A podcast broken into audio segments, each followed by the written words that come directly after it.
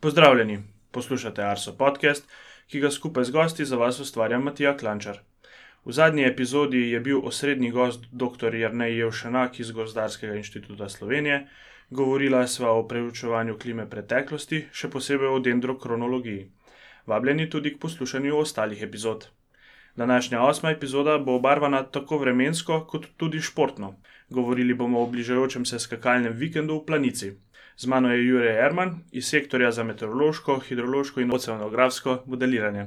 Zdravo, Jurek. Živijo. Uh, mogoče za začetek poslušalci ne vedo, da Arso aktivno sodeluje z organizatorji planiškega praznika že vrsto let. Kakšni so bili začetki, mogoče kako smo sploh padli v to zgodbo? No, ta zgodba je res uh, zdaj že daljša kot, um, kot 20 let. In sicer planica je bila od nekdaj tako um, relativno dobro zastopana, kar se tiče meteorologov uh, v sami planici. Tam so se tudi uh, razvile kakšne um, merilne metode ali pa kaj drugega. Um, um, ampak uh, je pa stvar mogoče večkrat šepala pri samem napovedovanju vremena. In uh, takrat me je pokojni Boran Paradiš uh, povabil, če bi jaz prevzel ta, uh, bi rekel, prognostičen del, uh, če, oziroma če bi um, takratni HMZ uh, prevzel ta del.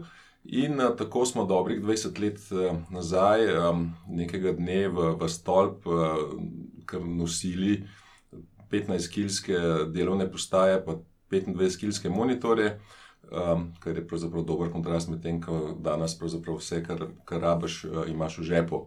No, ta zgodba se je začela, kot smo rekli, tam nekaj 22 let nazaj.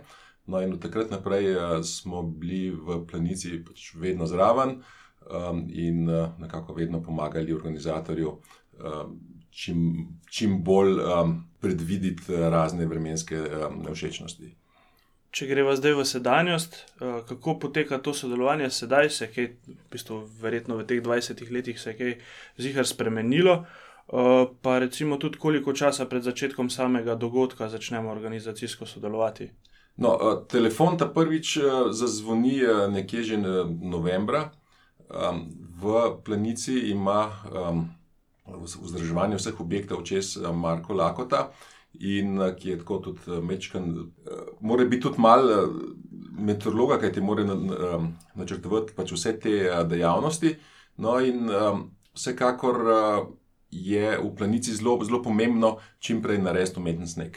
In tukaj um, dobre meteorološke informacije, pa dobre odločitve, um, kar nekaj štejejo. Uh, tako da pravzaprav celo, celo zimo smo uh, praktično vse čas v kontaktu, um, vsaj enkrat na dan, um, pri načrtovanju proizvodne eh, snega, pa mogoče kakšnih drugih aktivnosti. Um, tako da potem je pa nekje enkrat, recimo začetek februarja, sredina februarja, je ta faza končana, no in potem pride pa um, samo uh, tekmovanje. Tam se um, nekako več pozornosti potem uh, namenja uh, sami, sami um, pripravi uh, skakalnice. Uh, tudi tam uh, se marsikdaj uh, obrnejo uh, na nas, uh, in pa potem med samim tekmovanjem, uh, ko pa poskušamo zagotoviti pa čim boljše informacije uh, vodstvu tekmovanja, trenerjem in pa tudi uh, organizatorjem potem si drugač med celim vikendom uh, tam fizično tam prisoten, v planici. Vse, vse skupaj se začne v sredo s tehnično sejo. To je um, na tehnični seji, so um, vsi trenerji, uh, vodstvo tekmovanja, uh, kjer podam uh, vremensko napoved um, za um, konec tedna. Potem pa vsak dan po koncu tekmovanja, razen zadnji dan, seveda, napovedi za trenerje, tu se pravi, spet so te tehnične seje, in pa vse čas v stolpu, če je seveda pač vremenska situacija to zahteva, kjer potem vodstvo tekmovanja med, med serijami dejansko. Pač zelo velikrat uh, sprašuje, kaj se bo dogajalo, um, kaj se dogaja. Skratka, nekako jim poskušam um, pomagati razumeti, um, kaj se pravzaprav vremensko dogaja na samem um, hribu. Mhm. Katere meteorološke spremenljivke, pa kako smo jih mogoče merili včasih in kako jih danes merimo? Kje zdaj, so tiste glavne, no, seveda? Zdaj, tukaj je, je več aspektov. Ne? Eno je, je to, da sploh tekmovanje speleš. Uh, drugo je, da um, speleš varno. Um, in uh, mogoče, recimo, um, tretj, tretje je pa to, da. Um, ki je večkrat povezan z varnostjo, je, da imaš čim manj prekinitev, da, da je tekma lepa za gledalce in da je konec koncev v bistvu pač tudi pravična. No, in, in zdaj, da to, da tekmo spravaš skozi, ne, je, je pomembno, um, da so vremenske razmere um, dovolj ugodne, da ni nekih intenzivnih padavin, da ni nekega močnega vetra. Za med samim tekmovanjem je pa seveda pač naj, najpomembnejša. Eh, spremenljivka veter, ki eh, pač ključno vpliva na varnost skokov, um, pa morda tudi eh, temperatura, ki je nekaka, nekakšna um, proksi spremenljivka, prek katere potem tudi ocenjujemo stabilnost in pa mogoče samo strukturo vetra na, samem, um, na sami skakalnici. Um, namreč, um, če je vzračje nestabilno, ne, potem uh, bo bistveno več neke turbulence. Um, večja bo spremenljivost vetra, če pa je um, ozračje stabilno, uh, bo pa tega manj, manj bo termike. Um, Seveda je pa najbolj, najbolj bistven dejavnik je pa veter. Zdaj pač včasih se je veter meril z um, klasičnimi anemometri, uh, potem pa je, mislim, da tudi po zaslugi um, Bojana Paradiža so se pa začeli uporabljati uh, ultrazvočni anemometri. Poglavitna prednost ultrazvočnih anemometrov je to, da, da, da merijo tridimenzionalno sliko vetra in da um, vzorčijo z zelo visoko frekvenco, recimo tam um, okoli 20 Hz, kar pomeni, da um, so sposobni podati tudi neke um, fluktuacije v, v vetru, ki, ga klasični ki jih klasični anemometri pač ne bi, um, um, ne bi mogli. No, in, in to je bila pravzaprav pač neka. neka revolucija, v, ki se je začela dogajati, recimo, tam dobrih 20 let nazaj. Danes so pa ultrazvočni termometri postali um, nekako mainstream in uh, tudi to, vetrne izravnave in um, vse ostalo, varnost se zdaj meri z ultrazvočnimi termometri. Uh, teh uh, anemometrov je kar nekaj samem, na samem hribu, tam mislim, da jih je v planici zdaj um, okoli 12 ali pa 14. Um, in um, če so bili to včasih uh, lokalni merilci vetra, uh, je zdaj pravzaprav vse skupaj, za vse skupaj zadolžen, um, ker uh, FIS in sicer FIS da to potem Swiss Timing in Swiss Timing postavijo so um, infrastrukturo in uh, tudi za, poskrbi za to, da potem podatki pridejo v stol, ki jih, da jih imajo potem vodstvo tekmovanja vse čas pred očmi. Um, da, um, zanimivo, no? Zapravo, v 20 letih se je marsikaj spremenil. Um, zdaj pač um, podatkov je vsekakor več, um, ampak uh, odločiti, odločati se je pa še vedno um, včasih relativno težko. Omenil si že, da sodelujemo seveda tudi z vremensko napovedjo. Uh, kaj vse lahko meteorološki modeli napovejo za takšno mikrolokacijo, pa kakšne so recimo tudi omejitve pri teh napovedih? No, vsekakor meteorološki modeli povejo, kakšen bo tip vremena, um, kakšna bo cirkulacija, ali se nam, um, ali se nam bližajo kakšne vremenske motnje, um, ali imamo um, v višinah dotok toplega ali pa hladnega zraka, ali bo posledično atmosfera stabilna ali pa labilna. Pravi, vsekakor je treba v prvi fazi gledati um, rezultate meteoroloških modelov, vedeti pa moramo, ne, da so um, te meteorološki modeli. Uh, Da imajo sorazmerno še vedno preslabo ločljivost, uh, prostorsko ločljivost, da bi videli um, samo dolino Tamarja. Uh, tako da uh, od tam naprej pa štejejo pa izkušnje. In, in 20 let, uh, oziroma več kot 22 let planice pri tem, sigurno pomaga. Uh, in um, zelo, zelo pomembno je, ne, da, da pravzaprav s tistim dogodkom živiš, da tudi takrat, ko, ko mogoče ni, ni sama tekma, pa ko si tam, da gledaš naokrog in da, da si poskušaš pač vse čas razlagati, kaj se v vremenskem smislu pač okoli dogaja. Zdaj, omenil si, dobro, da si omenil tiste izkušnje, ki jih dobiš preko 20 let. Pa me zanima, kakšni so meteorološko idealni pogoji za dolge polete v planici, ki jih imamo v bistvu tako obiskovalci kot mi, gledalci pred malimi ekrani najraje. Zdaj, včasih je veljal stereotip, ne, da je da lepo sončno vreme, um, termika, uh, da, da je to pač nek, neka garancija za, za dolge polete. Ne. Izkaže se, da je zelo pomemben faktor uh, stabilnosti. In sicer uh, stabilnost pa pripomore k temu, da se ob samem hrbtu skakalnice, to se pravi, ko je, ko je atmosfera zares nestabilna, se generirajo balončki top, toplega zraka in potem se te balončke toplega zraka dvigajo ob eh, samem hrbtišču skakalnice. No, in, in to, kar se more zgoditi za dolge skoke, je pravzaprav to, ne, da se um, da en tak balonček, če govorimo zdaj o rekordu, recimo, ne, uh, preseneti, preseneti vodstvo tekmovanja.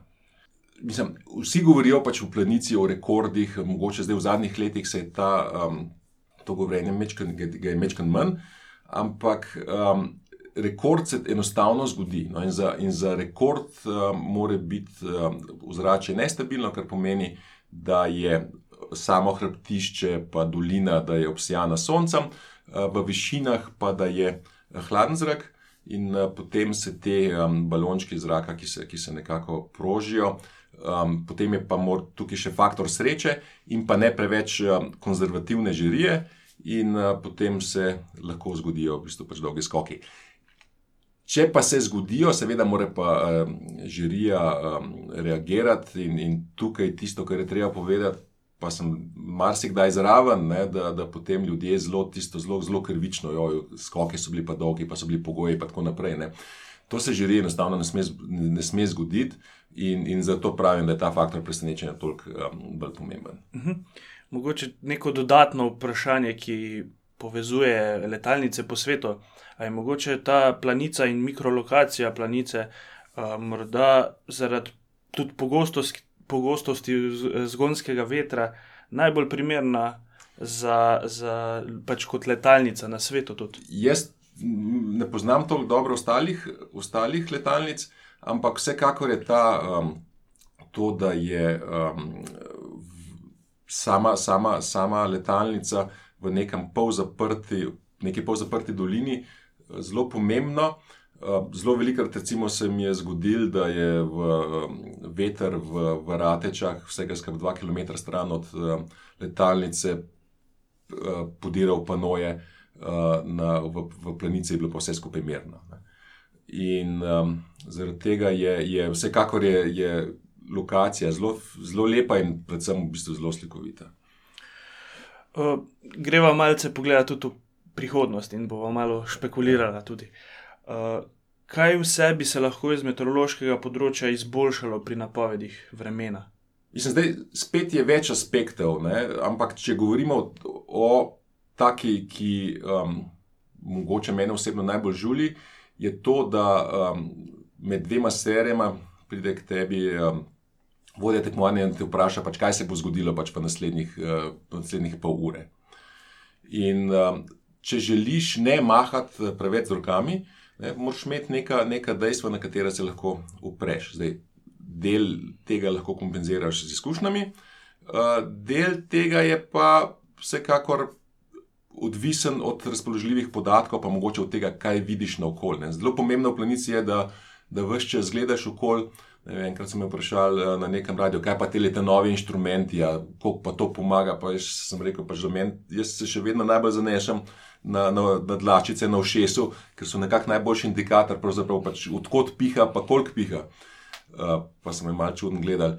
Ampak, no, vsekakor se da še um, nekaj narediti. Zdaj, uh, ena, ena varianta, ki bi bila vsekakor zelo zanimiva, je um, daljinsko zaznavanje vetra. Uh, tukaj vemo, da take metode uh, obstajajo, da so tukaj um, bodi si z, z lideri, to se pravi z laserji, uh, bodi si um, akustično, uh, to, so, to so sodari. No, in, in te, s temi metodami bi nekako lahko videli, kako se uh, inverzna plast, ki, ki normalno nastane v, v planici zjutraj, pa se potem preko dneva razkraja. in um, potem nekako od vrha navzdol um, prihaja pač ta nov veter, in tam, če se enostavno prepozen uh, in če zapiha, je um, zelo velikrat konec um, veselja. No, to se pravi, daljinsko zaznavanje um, atmosfere s, s temperaturnim profilom in pa uh, s profilom vetra. Uh, potem pa tisto, pač, kar bi bilo zelo pomembno, je, ne, da, da se tudi razvijajo neki konceptualni modeli, um, da pravzaprav lahko nekako vreme razdeliš v, v nekaj kategorij, in uh, da pravzaprav predvidiš v bistvu pač neke tipične poteke, um, kar pomeni, da um, se tudi s pomočjo statistike. Pa pom s pomočjo razumevanja vremenskih pojavov pač priješ do nekih konceptualnih modelov, in potem so te konceptualni modeli tisto, kar uporabiš potem, uh, pri napovedovanju. Uh mhm. -huh. Bi lahko meteorologija tudi pomagala pri računanju enakovrednih pogojev za tekmovalce? No, se, na nek način se to že dogaja. Uh -huh. uh, spet Bojan Paradiš, on je bil tako res, res vizionar.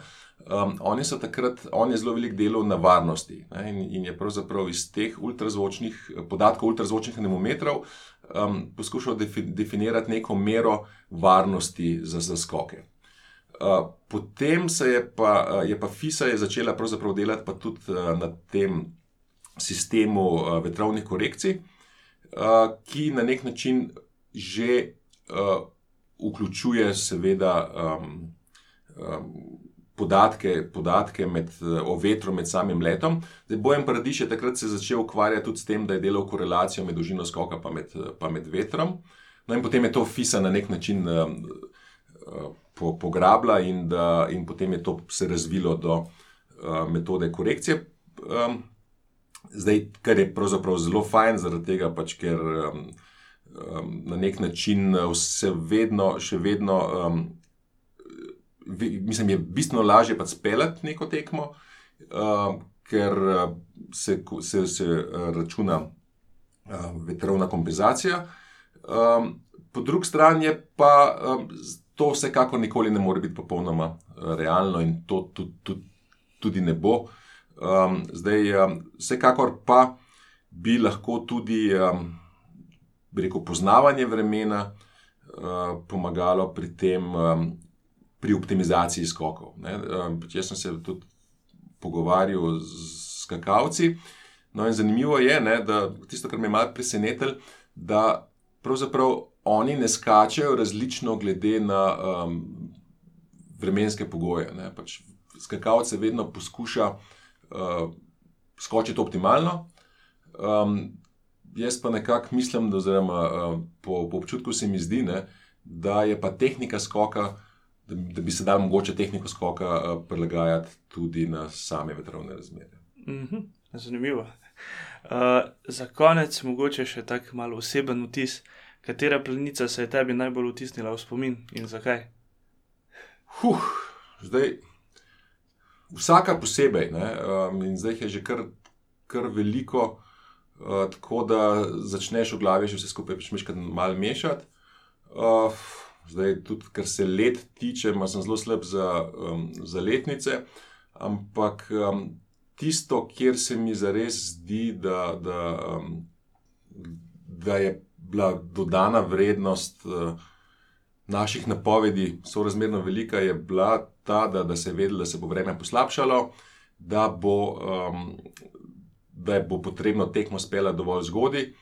In recimo smo že na osnovi pač teh naših vremenskih napovedi skupaj um, z um, Walterjem Hoferjem um, pač vse skupaj predstavili za eno uro nazaj, uh, potem in dejansko tisti takrat, um, pač Walter Hofer je dvignil telefon, poklical na. na um, um, so predstavili uh, svetovni pokal v Smučenu, ki bo ravno finale, tudi v istem času, pač na, na, na eno uro kasneje, zato se stvari niso križale. Skratka, um, kar, včasih je kar velik pritisk, ne, ko je treba pač neko, neko um, zgodbo zagovarjati. Um, ampak uh, tisto, kar je bilo takrat recimo, res fajn, je, da je tako bi rekel, pet minut po zadnjem skoku uh, zapihalo, tako da um, in pač tekma je bila rešena, ker je pa konec koncev pač tudi velik finančni. Bi rekel, rezultat, če, če tekme ne speleš, potem ni um, sponzorskega denarja in tako naprej, in pravzaprav se tudi organizatorju gre, da se te tekme speljejo. Super, hvala, najlepša hvala za tale zanimiv pogovor, pa veliko sreče in uh, izkušenj spet tudi v letošnji planici. Hvala lepa. Za konec še aktualna novica z oddelka za agrometeorologijo. Z mano je Ana Žust, ki bo povedala, kakšno novost so agrovci predstavili prejšnji petek 8. marca. Za spletno stran smo pripravili aplikacijo Fenološka risanka, tako smo jo poimenovali, s katero si lahko uporabnik eh, tako po prostoru kot po času ogleda nastop cvetenja znanilcev pomladi, to se pravi eh, zvončka in leske. Podatki so eh, na uporabniku prijazen način prikazani, tudi glede na, na statistično ocenjene dolgoletne vrednosti, torej ali je cvetenje nastopilo v povprečnem času, bolj zgodaj, zelo zgodaj, celo ekstremno zgodaj in seveda tudi obratno. Obe rastlini, to se pravi mali zvonček in leska, sta kazalki nastopa fenološke predpomladi oziroma že tudi zgodne pomladi. Kasneje pa bomo dodali še druge splošno razširjene rastline, ki jih opazujemo v fenološki mreži Arso, naprimer eh, Ivo, Brezo, Trave in še nekatere druge. Kaj več o fenolo sami fenologiji pa bomo v naslednjem podkastu čez 14 dni tudi povedali. Hvala, Ana. Sem. Kot ste že vajeni, smo za vas v podkastu tudi pripravili zanimive povezave in dodatno gradivo. Vse komentarje, pohvale, pripombe in predloge nam lahko sporočite na elektronski naslov podcast.arso.afnago.si. Prav tako nas lahko najdete na družabnih omrežjih, na Twitter profilu Meteosi in Facebook strani Arso Vreme. Da ne boste zamudili novih epizod, se na podcast lahko naročite preko telefona v svojem podkastu Djemalcu. Za vas smo pripravili tudi video, kako se naročiti na podcast. Pustite nam kakšno oceno na Apple Podcasts, da bodo za nas poslušali tudi ostali, da se bo naša beseda širila, pa nas priporočite k poslušanju svojim prijateljem, sodelavcem in znancem. Hvala za poslušanje in pozornost, obilo lepega vremena do naslednjič in se slišimo čez 14 dni.